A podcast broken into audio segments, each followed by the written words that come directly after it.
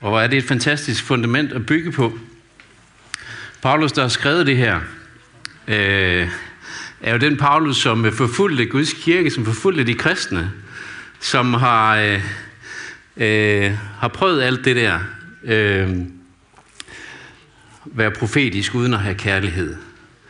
Sige, man vil sælge det hele, give alle pengene uden at have kærlighed. Og så erfarer han Gud i sit liv. Jesus møder ham. Og så er det kærligheden, der kommer ind i hans liv. Og så kan han skrive de her fantastiske ord. Og det er også det grundlag, vores, øh, vores budskab i dag øh, skal ses i. At uden kærlighed er vi intet. Uden øh, Guds kærlighed, så nytter det ingenting at gøre noget som helst. Uden Guds kærlighed, så kan vi ikke gøre en forskel.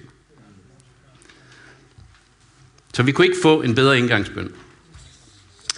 Vi skal have øh, gang i et nyt tema, eller sådan en lille miniserie, tre øh, søndage, hvor øh, vi har været sådan, ja måske, øh, vi, ja, vi har været så frimodige og øh, lave en tekst, der hedder Mørke tider kalder på lyse gerninger.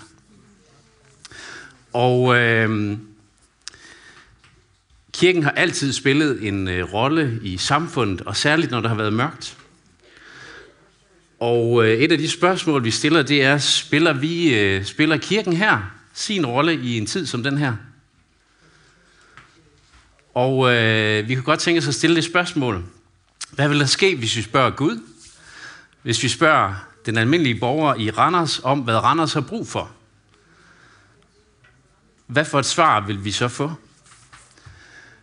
Og hvis ikke lige du er fra Randers, hvis du sidder på streamen og er på Færøerne, eller i Afrika, eller i Vejle, jamen så, så, øh, så brug din kontekst ind i det her. Hvad vil der ske, hvis vi spurgte Gud, hvis vi spurgte borgerne i Randers om, hvad Randers har brug for? Hvad for et svar ville vi få? Og hvad vil der ske, hvis vi lyttede, hvis vi stak hovederne sammen, og så rent faktisk også gjorde noget ved det, vi hørte? Det er det her tema, vi vil prøve at udforske sammen.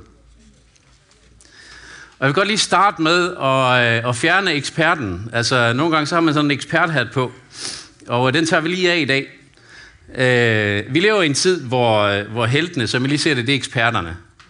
Altså, der er stort set ikke en hændelse eller ikke et, et problem, som ikke kræver en ekspert. Er, er det ikke sådan, det er? Har du fået en splint i fingeren, så skal du have en øh, splintudtagningsekspert. Er der en, der har ondt i hovedet, jamen, så henter vi jo lægen, der har forsket i migræne i de sidste 20 år, for et godt råd. Vi skal have eksperten. Og vi lytter til eksperterne. Vi danner måske også ofte mening efter det. En ekspert kan jo ikke tage fejl.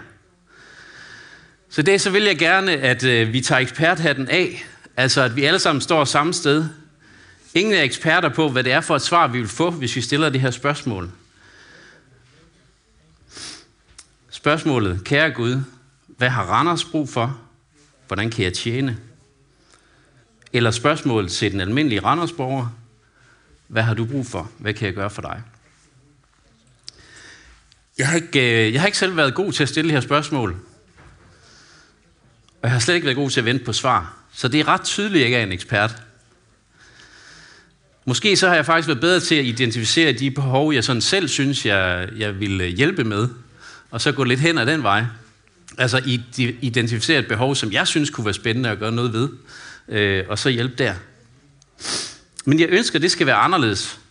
Jeg ønsker faktisk at skille det her spørgsmål til Gud og til mennesker, og så vente på det her svar, og handle på det, ikke mindst. Jeg tror, der ligger et rigtig, rigtig vigtigt perspektiv her. At vi spørger Gud, hvad har Randers brug for? Hvordan kan jeg hjælpe? Og jeg tror ikke kun det er mig. Jeg tror også faktisk, at det er os som kirke her, med vores virke i Randers. På mange måder så lever vi jo vores eget liv. Vi har vores egen aktivitet, og vi har øh, muligheden for på mange områder faktisk at passe os selv. Vi ønsker det anderledes, men hvis ikke vi er intentionelle omkring vores formål, at vi må pege på Jesus som Herre, og at vi er her for at tjene ham i vores by, så bliver vi altså bare lidt en hyggeklub. Der ikke når uden for murene her. Vi har en bøn om, og vi har en drøm om, at det her tema, som vi kører de næste tre gange, at det ikke bliver bare sådan endnu en ny prædikenserie, øh, som, ja, så hørte vi det godt videre, men at det faktisk kommer til at, øh, ændre vores perspektiv. At for nogen af os, at vi må få lov til at se noget andet, end det vi har set. At vi må få lov til øh, at få nyt perspektiv. Og så ønsker vi, og vi drømmer om, at vi må få et perspektiv, hvor vi har fokus på Jesus, og det, som Jesus gør, hvor han flere gange peger på det aller, aller største. At vi må lære at elske Herren, vores Gud, af hele vores hjerte, af hele vores sjæl, af hele vores sind og hele vores styrke.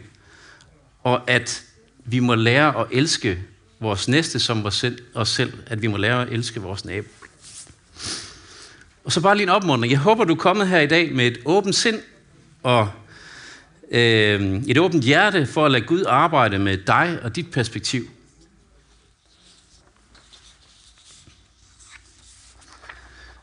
Jeg sad og blev meget trist her den anden dag, og det var fordi, jeg skrev den her prædiken. øh, jeg er faktisk sådan, det, altså, øh, oprigtig ked af det, øh, når fordi det her med mørke tider, hvad, hvad er det for noget? Øh, og det er jo den her erfaring eller erkendelse af, at, at, at øh, det er for min oplevelse, at vi på mange måder lever i en mørk tid. Altså, og det betyder ikke, at der ikke er lyspunkter. Det betyder ikke, at vi ikke kan vinde i håndbold og alt det der. Men, men det betyder, at, at, øh, at vi påvirkes, øh, og vi ser mange af de store problemer i verden hele tiden. Vi bliver bombarderet. Mennesker lider, der er krig, der er forfærdelige jordskæld. Vi netop har set i Tyrkiet og Syrien, med de her fuldstændig uoverskuelige dødstal til følge. Vi kommer ud af en verdensomspændende epidemi, som har så voldsomme aftryk, og i nogle tilfælde har skabt store problemer på forskellige områder, nationalt og globalt, som aldrig før. Der er usikkerhed, som vi aldrig har oplevet den før. Der er utryghed, som vi aldrig har oplevet den før. Og så ser vi også her, at der er en ensomhed, som vi aldrig har set eller oplevet den før. Vi ser angst, som er så gennemgående et tema for vores mentale sundhed, at den udfordrer hele systemet. Og særligt i den generation, der vokser op nu, som er ved at være færdig med uddannelse og skal i gang, og som skal på arbejdsmarkedet. Vi ser en angst der, som aldrig før. Vi ser og mærker, at det også er svært med øh, relationer i familierne og blandt venner. Der er brudte relationer og brudte ægteskaber, som aldrig før. Konfliktniveauet er stort. Der er en kæmpe polarisering i debatten. Vi er enten for eller imod, og er du imod eller for med de få, så er du virkelig i problemer. Vi oplever en stigende mistillid til samfundet og de systemer, samfundet består af. Nå, jamen, så har vi slet ikke talt om øh, inflation, og at smøret er blevet dyrere, og energipriserne og alt det der. Men det er jo samsurium med det hele forskellige udfordringer omkring økonomi, miljø og klima. Så det var det her, jeg blev trist over. Jeg synes egentlig på mange måder, vi lever i en mørk tid. Jeg synes faktisk, det ser lidt mørkt ud. Og hvad så med de lyse gerninger ind i en mørk tid? En mørk tid kalder på lyse handlinger. Hvor der er mørke, er der brug for lys. Og der står heldigvis i 1. Johannes brev 1.5, Gud er lys, og der er intet mørke i ham. Så skriver Jakob også i Jakobs brev, Far ikke vild, mine kære brødre. Alle gode og fuldkommende gaver kommer ned fra ovnen, fra lysenes fader, hos hvem der ikke findes forandring eller skiftende skygge. Gud er lys, ikke mørke. Guds lys står endnu stærkere og virker endnu kraftigere, når der er et voldsomt mørke. Alle gode og fuldkommende opgaver, dem kan vi hente hos Gud. Og han giver os en, Jacob her giver os en opmuntring til ikke far vild, til ikke glemme, hvor vi kan hente det gode fra. For det kan vi hente fra ham, der er lysenes fader. Ham, der forbliver den samme, hvor der ikke er skiftende skygge. Han vil skygge os under sine vinger. Altid vil han skærme og beskytte. Er det ikke fantastisk? Og hvordan ser det så ud? Hvilke lyse gerninger ser vi? Hvilke actions of light, eller hvad smart vi skal kalde det? Hvad ser vi omkring os? Hvilke historie bidrager vi til og spiller ind i? Lyse gerninger, det kræves især i mørke tider. Der er brug for en synlig påvirkning. Vi må som kirke ikke gemme os. Det er slet ikke opgaven. Lyset skal ikke gemmes under en skærm. Det skal skinne klart. Guds lys skal skinne. Alle gode og fuldkommende gaver fra ham skal ses, for han er lysenes fader. Men på en eller anden måde, så er det så svært for os. Og hvorfor er det egentlig det? Der er en del udfordringer, der gør, at vi, øh, at vi ikke handler, at vi ikke bidrager til det, vi kan kalde lyse gerninger. Jeg tror, at et af elementerne, det kan handle om apati. Vi er så overvældet over det, det, vi ser. Der er så meget mørke, der er så mange udfordringer. Så bliver vi handlingslammede. Så ved vi ikke, hvor vi skal starte. Det hele er jo galt. Så er der ikke noget sted at starte. Vi ser måske så meget nød og elendighed, at vi ikke kan rumme det. Det fylder os med sorg og med angst, frygt. Det kan også være, at vi tænker, at jeg har det godt, og øh, at andre har problemer, det er jo deres egen sag. Vi bliver måske ligeglade med noget af det, vi ser, eller noget af dem, vi ser. Det kan også være, at vi har for travlt. Altså, der er jo ikke nogen af os, der ikke har travlt. Vi kan jo ikke spørge en, og så få at vide, at man ikke har travlt. Det, det findes jo ikke. Altså, der er prestige i at have travlt. Jeg tror måske, vi har så travlt, at vi ikke kan prioritere noget tid til andre nogle gange. Det kan også være, at andre er i, øh, i vejen for vores travlhed, eller det, jeg lige har gang i. Det kan også være, at vores velstand eller vores velfærdssystem står i vejen. Vi synes ligesom, der er andre, der skal tage hånd om mennesker eller problemerne. Vi har jo et system til det. Så hvis vi skal gøre en forskel, det er sådan et buzzword, det, det, det vil vi gerne alle sammen. Ikke? Vi vil gerne gøre en forskel. Og hvis jeg skal hjælpe med noget på arbejdsdagen, så skal jeg gøre en forskel. Eller hvis jeg skal en tjeneste i kirken, så skal jeg gøre en forskel. Eller hvis jeg skal ud på arbejdsmarkedet, så skal jeg gøre en forskel. Jeg vil gøre en forskel alle steder. Det skal vi også. Vi kan gøre en forskel. Men hvad holder os tilbage for at spørge Gud og lade ham vise os, hvor vi kan gøre en forskel? Og spørge ham, hvad er det, Randers har brug for? Vente, lytte og handle på, på det, han har på hjerte. Vi har fået ud, ultimativ frihed, hvis vi kender Gud. Hvis du har Jesus i dit hjerte, så har du ultimativ frihed. Hvordan bruger du din frihed? Hvordan forfalder du den frihed? Gør du det på den bedste måde? Jeg synes, vi ser og oplever uretfærdighed i systemer rundt omkring. Jeg synes også, måske nogle af os oplever selv at være udsat for noget uretfærdigt. Hvad, hvad er responsen på det? Kan uretfærdighed være en årsag til, at det er svært at handle? Jeg tror også, at i den her iver efter at gøre en forskel, at der kan vi godt, øh, der kan vi godt være udsat for, at vi vil gå i egen kraft. At jeg skal gøre en forskel. Jeg skal skrives i historiebøgerne. Det er mig, fordi jeg, jeg er jo universets centrum. Så jeg skal gøre en forskel, og der skal stå Michael der, og Michael der, og historien må også godt fortælle og blive bragt videre til næste generation. Men hvis ikke vi har den her kærlighed, og hvis ikke vi går med Jesus i hjertet, med Guds ånd, hvis vi går i egen kraft, så kan vi ingenting. Men går vi med hans ånd, med Helligåndens kraft, i kærlige lyse gerninger, så kan der ske noget, og så kan vi gøre en forskel. Og så kan det være, at der ikke står Michael, men det kan være, der står, at Gud gjorde noget godt i Randers i den periode. Det kan være, der stod, at Frikirken Randers fik lov til at, at øh, gøre en forskel samlet i en mørk tid for Randers, hvor vi fik lov til at kæmpe imod ensomhed, hvor vi fik lov til at se mennesker komme til Jesus, opleve ham, smage og se, at han er god. Jeg tror, en hindring for, at vi ikke handler, det kan også være, at øh, udover at vi gerne vil gøre en forskel, så gør vi forskel. Øh, og det er ikke så hensigtsmæssigt at gøre forskel, især ikke når det gælder om andre mennesker. Jeg kan godt tænke mig, at du tænker over, sådan, hvad briller du har på, og også om det er en, en hindring øh, for at handle, for at være medvirkende til lyse gerninger. Hvordan ser du på andre? Hvad er dit menneskesyn?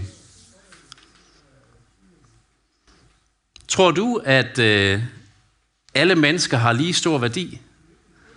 At alle mennesker er elsket lige meget af Gud? Jeg tror, det er vigtigt, at vi tager os tid til at overveje noget af det her. Måske her nu, men måske også du tager det med hjem. Gud, hvad ønsker du at gøre, og hvad er min rolle i det? Hvad kræves så, og hvad kan vi gøre? Jeg har fået lov til at citere min kone, og det synes, det var en rigtig god idé, at jeg også fortalte, det var hendes citat. Nej, det ved jeg ikke. Hun er desværre nødt til at sidde derhjemme, fordi hun er lidt, øh, lidt syg, men, øh, øh, men hun kan godt lide sådan nogle, øh, hvis hun kunne selv kunne bestemme, hvad hun skulle lave, så skulle hun lave øh, sådan nogle små slogans til virksomheder og øh, øh, små talemåder og sådan noget der. Hun siger, at det er tanken, der tæller, men det er handlingen, der gælder. Er den ikke øh, nogenlunde dyb? Tanken, der tæller, men handlingen, der gælder. Ja, og hvis øh, vi skal have meget mening ud af det, så skal vi nok have hende på banen også. Nej. Øh, tanken, der tæller, vi har, vi har jo tænkt tanken mange gange, ikke? Jamen, jeg, kunne også, jeg havde faktisk tænkt på lige at besøge dig. Faktisk også tænkt på lige at ringe. Faktisk tænkt på lige at komme forbi med noget aftensmad, eller jeg tænkte mig at lige invitere dig i biografen. Men, men, øh, men jeg har tænkt det, jeg har ikke gjort det. Så hvad tæller det? Jamen, det er fint, du har tænkt på mig.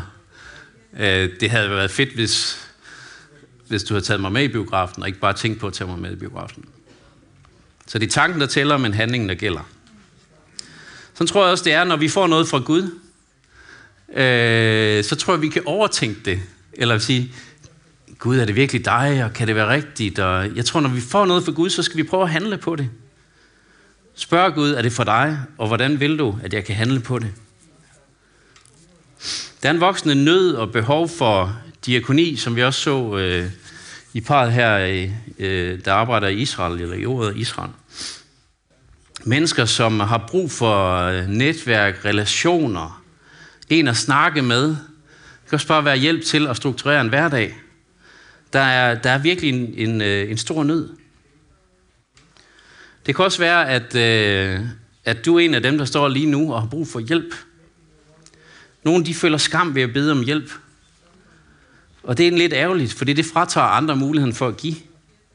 Så hvis du har brug for hjælp, så vær frimodig og bed om hjælp så en anden kan få lov til at hjælpe dig.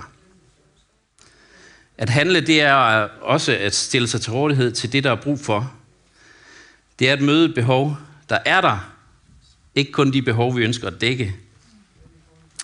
Nogle gange så vil vi så gerne hjælpe med det, vi synes kunne være spændende og sjovt for os.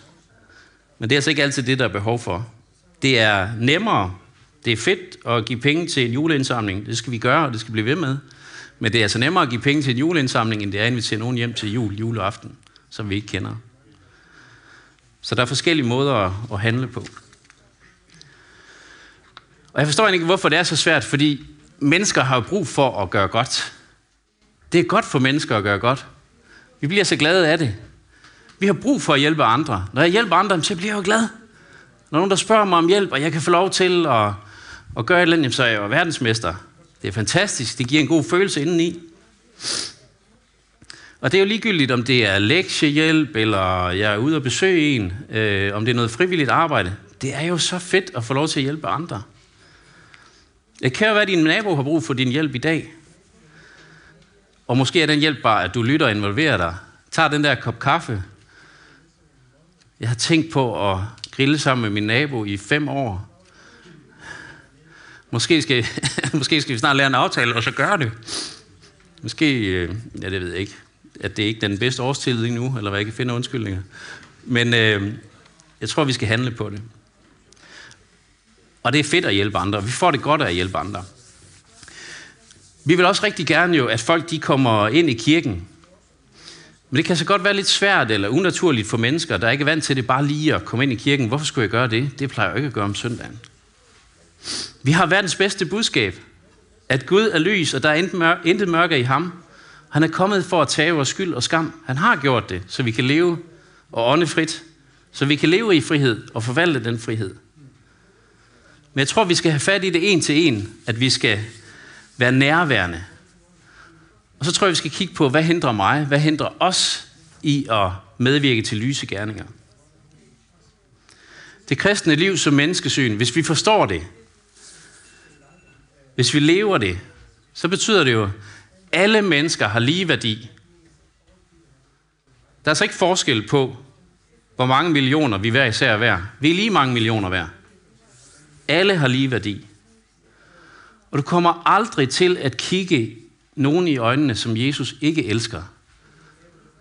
Så uanset hvem du kigger i øjnene, så er vedkommende elsket af Jesus og har lige så stor værdi, som du har, er lige så mange millioner værd.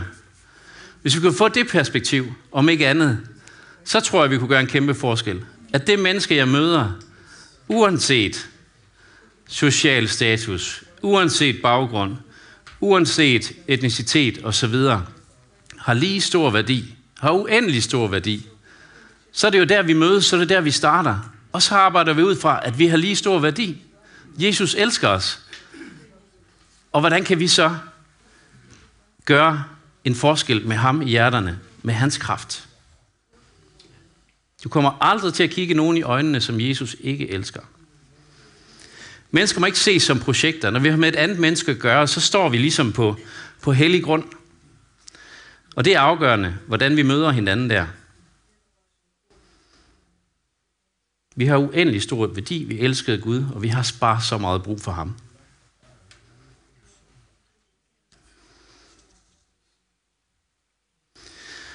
Jeg tror også, vi gør tingene måske en lille smule sværere for os selv, end det skal være. Det her med at hjælpe andre, det bliver ofte gjort til en stor ting. Nogle gange så er det noget, man skal gå på en lang uddannelse for at lære, eller du ved, vi skal have undervisning omkring det, eller vi skal tale det ihjel. Jeg tror faktisk, at, øh, at der ligger noget i det her med at spørge, øh, hvad har du brug for?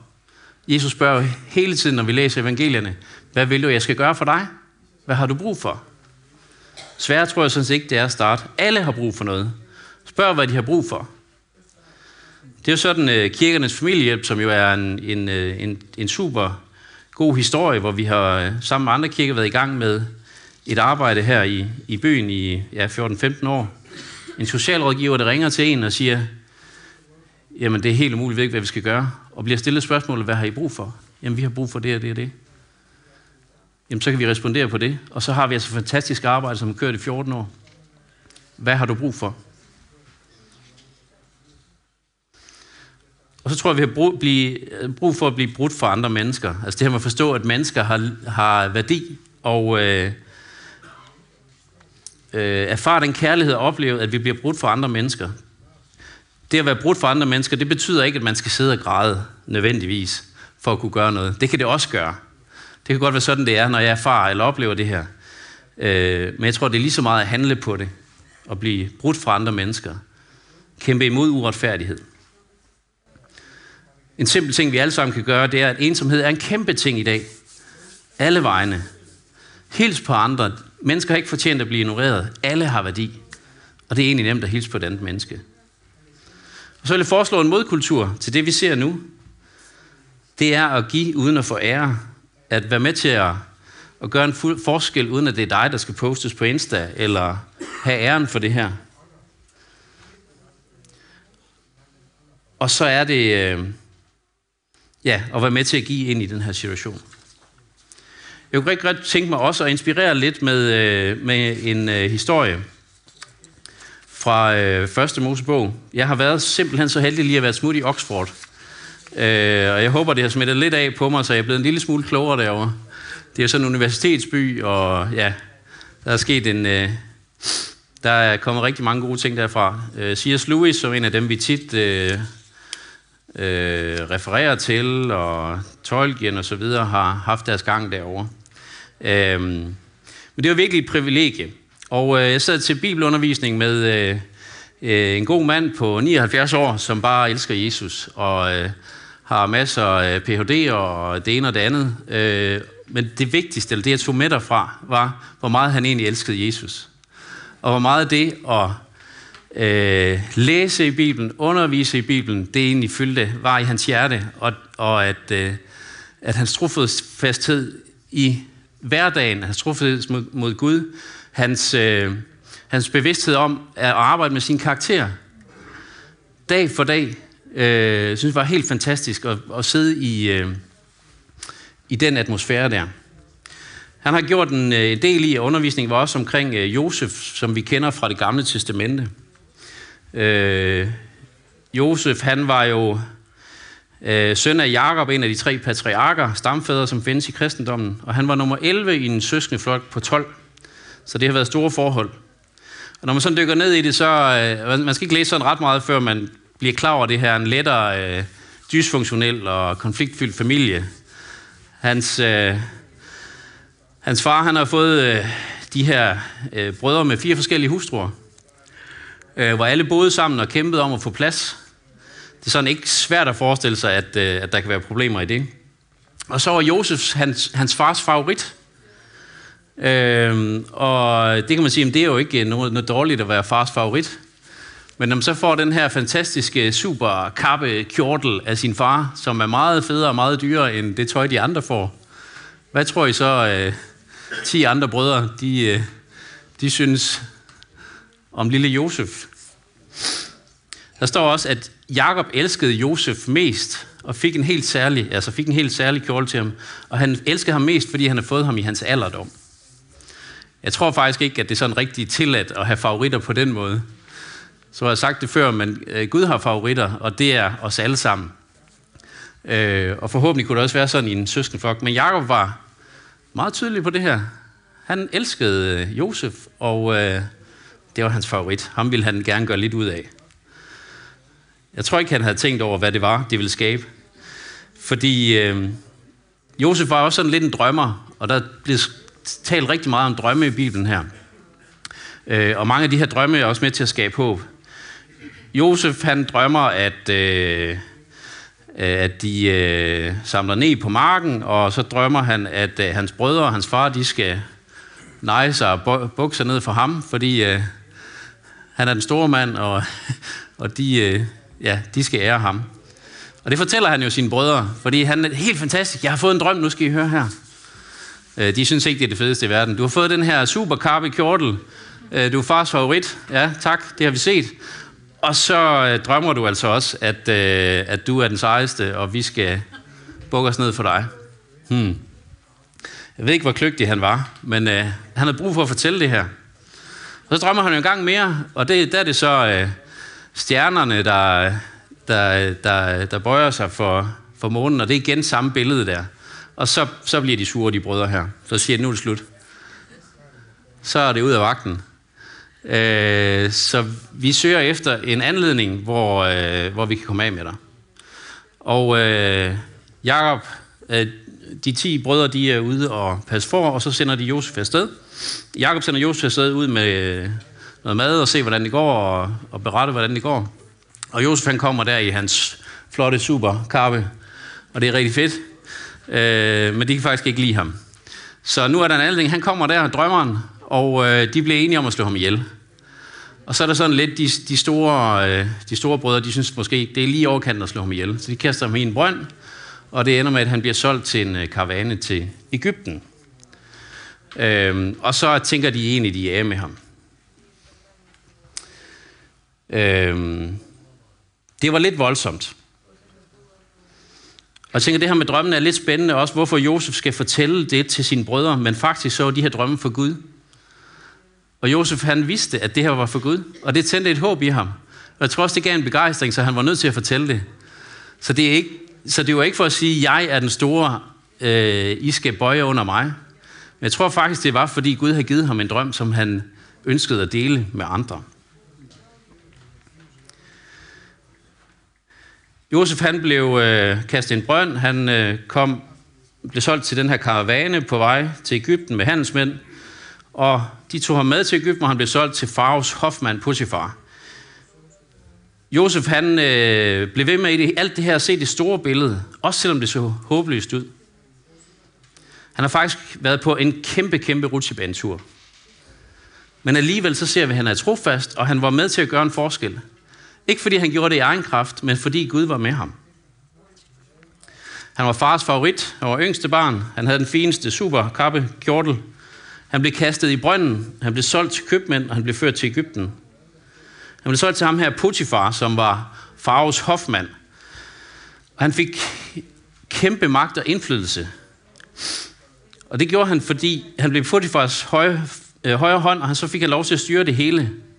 Og det er egentlig lidt vildt, Potifar gav ham ansvar for alt, hvad han ejede, fordi han så, at Herren var med Josef. Så han kommer der og bliver solgt som slave, og så får han alligevel lov til at øh, forvalte det hele. Der står her, Potifar overlod Josef alt, hvad han ejede, og han bekymrede sig ikke om noget som helst, undtagen den mad, han skulle spise. Altså, han har simpelthen første manden her, der klarer det hele, og så kan han bare, det eneste, han skal forholde sig til på menukortet, det er, hvad for en ret skal jeg have en dag? Hvad for, øh, hvad for en lækker forårsgang, eller hvad for en, et eller andet. Det er jo sådan hans største bekymring. Hvad skal jeg spise? Fordi han havde en klog mand, som Herren var med til at, at stå for det hele. Så blev Josef anklaget af Potifars hustru. Der står, at Josef han var smuk og så godt ud. Det er der mange af os, der godt kan sætte os ind i. Det der med at være smuk og se godt ud, ikke? Øh, men han så åbenbart, han har været sådan 17-18 år, han så åbenbart så godt ud, at Potifars hustru, hun bare måtte have ham. Hun forsøger sådan flere gange at overtale ham til at, øh, at gå med ind i sengen. Og øh, det ville han ikke. Og der står her, at han siger, hvordan skulle jeg kunne gøre noget så ondt og synde mod Gud? Hun blev ved og ved og ved og ved, og så en dag, så øh, var han ude efter hende, men han flygtede, men kjortlen havde han taget af, og den øh, lå der så. Og den fik hun fat i, og så anklagede hun for, ham for at gøre tilnærmelse til hende. Hendes mand blev vred, kastede ham i fængsel, og så, øh, så sad Josef der. Han blev ført til, til et fængsel, hvor kongens fanger sad fængslet. Men der står også her i, i øh, at i fængslet, at Herren var med Josef og viste ham godhed og lå ham finde yndest i arrestforvalterens øjne, altså ham, der står for arresten her. Josef han fik ansvaret for alle fangerne, og han gjorde alt, hvad der skulle gøres. Og det han gjorde, lod Herren lykkes. Så kom der jo en, øh, en hofmand, og der kom en hofbager, og blev sat i forvaring i samme fængsel her. Øh, og der var også noget med drømme igen der, som var lidt spændende. De har så fængslet i noget tid, og så blev de egentlig ret kede af det. Og det var fordi, de havde drømt noget, og det kunne ikke tydes. Men Josef han spurgte, jamen, hvor, hvorfor sidder I der og ser sådan ud? Så manden her, der er i fængsel, han har været, øh, været høj på strå, så kom han i fængsel, så, kom han, så blev han en af de, en af de største i fængslet, øh, har alligevel også øje for de to her og siger, hvorfor sidder I så ked af det ud? Hvad er jeres problem? Hvad har I brug for? Og de har så brug for at få tydet de her drømme, øh, og det går godt for den ene og ikke så godt for den anden. Det kan I selv læse mere om. Øh, aftalen var, at øh, ham, som kom tilbage til Fraus hof, at han skulle huske Josef og fortælle om ham. Øh, så han på en eller anden måde kunne komme ud af fængslet. Og øh, det glemte han, vores kære ven. Øh, men Farve havde en drøm to år senere, som ingen kunne tyde. Så var det ham med Munchkin, han kom i tanke om Josef, at han havde tydet deres drømme i fængslet. Der blev sendt bud efter ham, han blev klippet. Han fik skiftet tøj, og han trådte frem for farve. Og så var han med til at øh, tyde farves drøm, og øh, der skulle komme en kæmpe øh, hungersnød. Der skulle være syv fede år og syv magre år. Og det, der skete, øh, det var, at Josef han lavede sådan en 14-årsplan. Han havde ikke kun visioner 3 eller 5 eller 7 år frem. Men øh, han foreslog en 14-årsplan, samle korn ind i syv år, og så sælge det i syv år. Øh, og han kommer lige fra fængslet ind til Farve. Farve siger, hvad for, hvad for en mand skal vi sætte til sådan noget her? Jamen det skal jo være dig, kære ven Josef. Du kan, du kan tyde den her drøm, du må være verdens klogeste. Jeg sætter dig til det her. Så han bliver nummer to i Ægypten, lige under Farve. Det eneste, han ikke har, det er tronen. Det er en fuldstændig vild rutsjebanetur, ikke? I brønden, lige ved at dø, bliver solgt som slave, kommer, øh, kommer ind hos øh, hofmanden der, kommer i fængsel, kommer til farve, og så nummer to i Ægypten. Den største økonomi, kæmpe samfund. Det var helt vildt, og han var med til at gøre en kæmpe forskel. Josef han blev betroet meget, og han havde stor tillid til Gud, uanset omstændighederne. Han valgte de lyse gerninger, og han valgte at stole på Gud og få det bedste ud af situationen.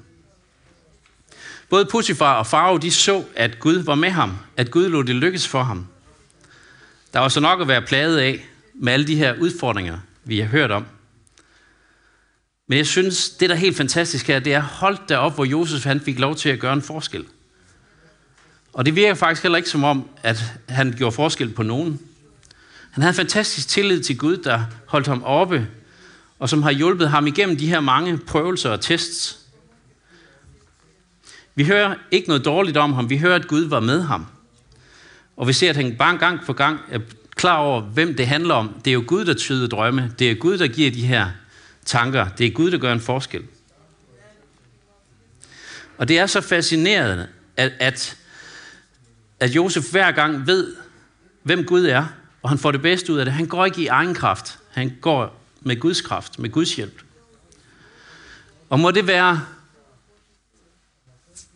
et eksempel for os, at hvis vi skal gøre noget som helst, hvis vi skal bidrage til lyse gerninger i den her by, at så skal det være, fordi Gud er med. Så skal det være, fordi kærligheden bor i os. Fordi Jesus har fyldt os. Fordi åndens kraft fylder os. Og den leder os til at gøre en forskel. For jeg kan ikke gøre noget i mig selv. Vi kan ikke gøre noget i os selv. Men vi kan gøre det med Guds kraft og med Guds ånd. Og medvirke til de her lyse handlinger. Og så er det ligegyldigt, om der står Malene eller Michael eller Rune. Men hvis der står Gud, gjorde en forskel i Randers i 2023, så det er noget, jeg tror, vi skal være en del af. Og jeg det tror, vi kan gøre det ved i det små og arbejde med vores karakter, med vores moral, med vores åndelige velbefindende, at vi dag for dag overgiver os til Gud, at vi lader os fylde med hans ånd på ny, så kan vi få lov til at gøre en forskel. Og jeg tror i dag, at vi skal, øh, vi skal bruge lidt tid på at øh, overveje det her med de lyse gerninger. Hvor er det min plads er? Gud, hvad mener du, Randers har brug for? Hvor er det, jeg kan gøre en forskel? Måske er det tid for at lade os fylde på ny. lade hans ånd, lad hans kraft komme igen os. Så vi vil være med til at gøre en forskel i den her by. Så de her mørke tider kan blive erstattet af lyse gerninger. Så Guds lys må skinne, og hans ånd og hans kraft må virke i og igennem os. Ja. Lovsang, I må gerne øh, komme op.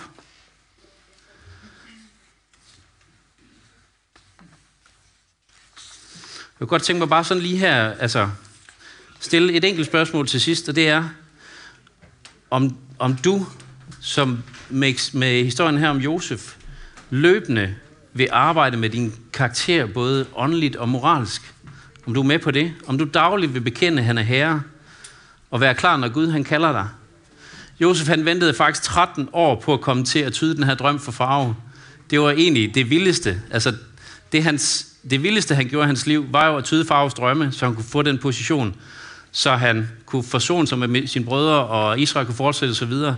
13 år sad han der. Han havde ikke nogen plan, men han havde et håb. Han vidste, hvem Gud var. Han oplevede, at Herren var med, og han gik på det. Og jeg tror ikke, han har været i stand til, hvis han havde tænkt, om Gud, er du der? Gud, øh, jeg ved ikke, om du er der. Ved, øh, Gud, er du trofast? Er du... Jeg tror, det her, det var, Gud, jeg ved, du er der. Jeg har erfaret dig. Jeg har oplevet dig i mit liv. Derfor, øh, så tror jeg også, du er med, når jeg oplever de her kriser, når jeg oplever de her problemer når jeg er i det her fangehul? Er du klar til at lade dig fylde på ny, til at styrkes ved hans ånd? Er du klar til at blive rodfæstet og grundfæstet i kærlighed? Og er du klar til lysgerninger? Lad os bede sammen.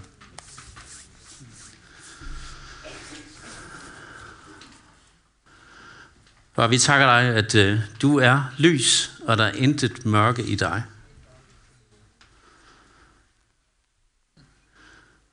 Hjælp os til at se dit lys. Hjælp os til at være dit lys.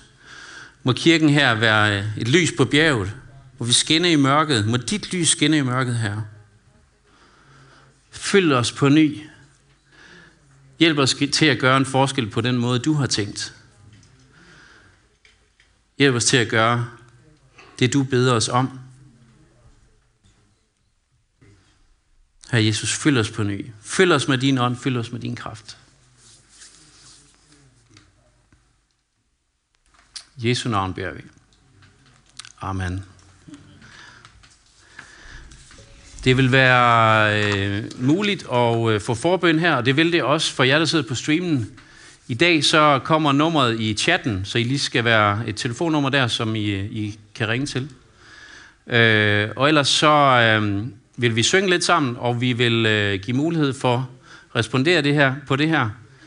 Vil du fyldes med hans ånd på ny, vil du være klar til at gå ud og gøre lyse gerninger?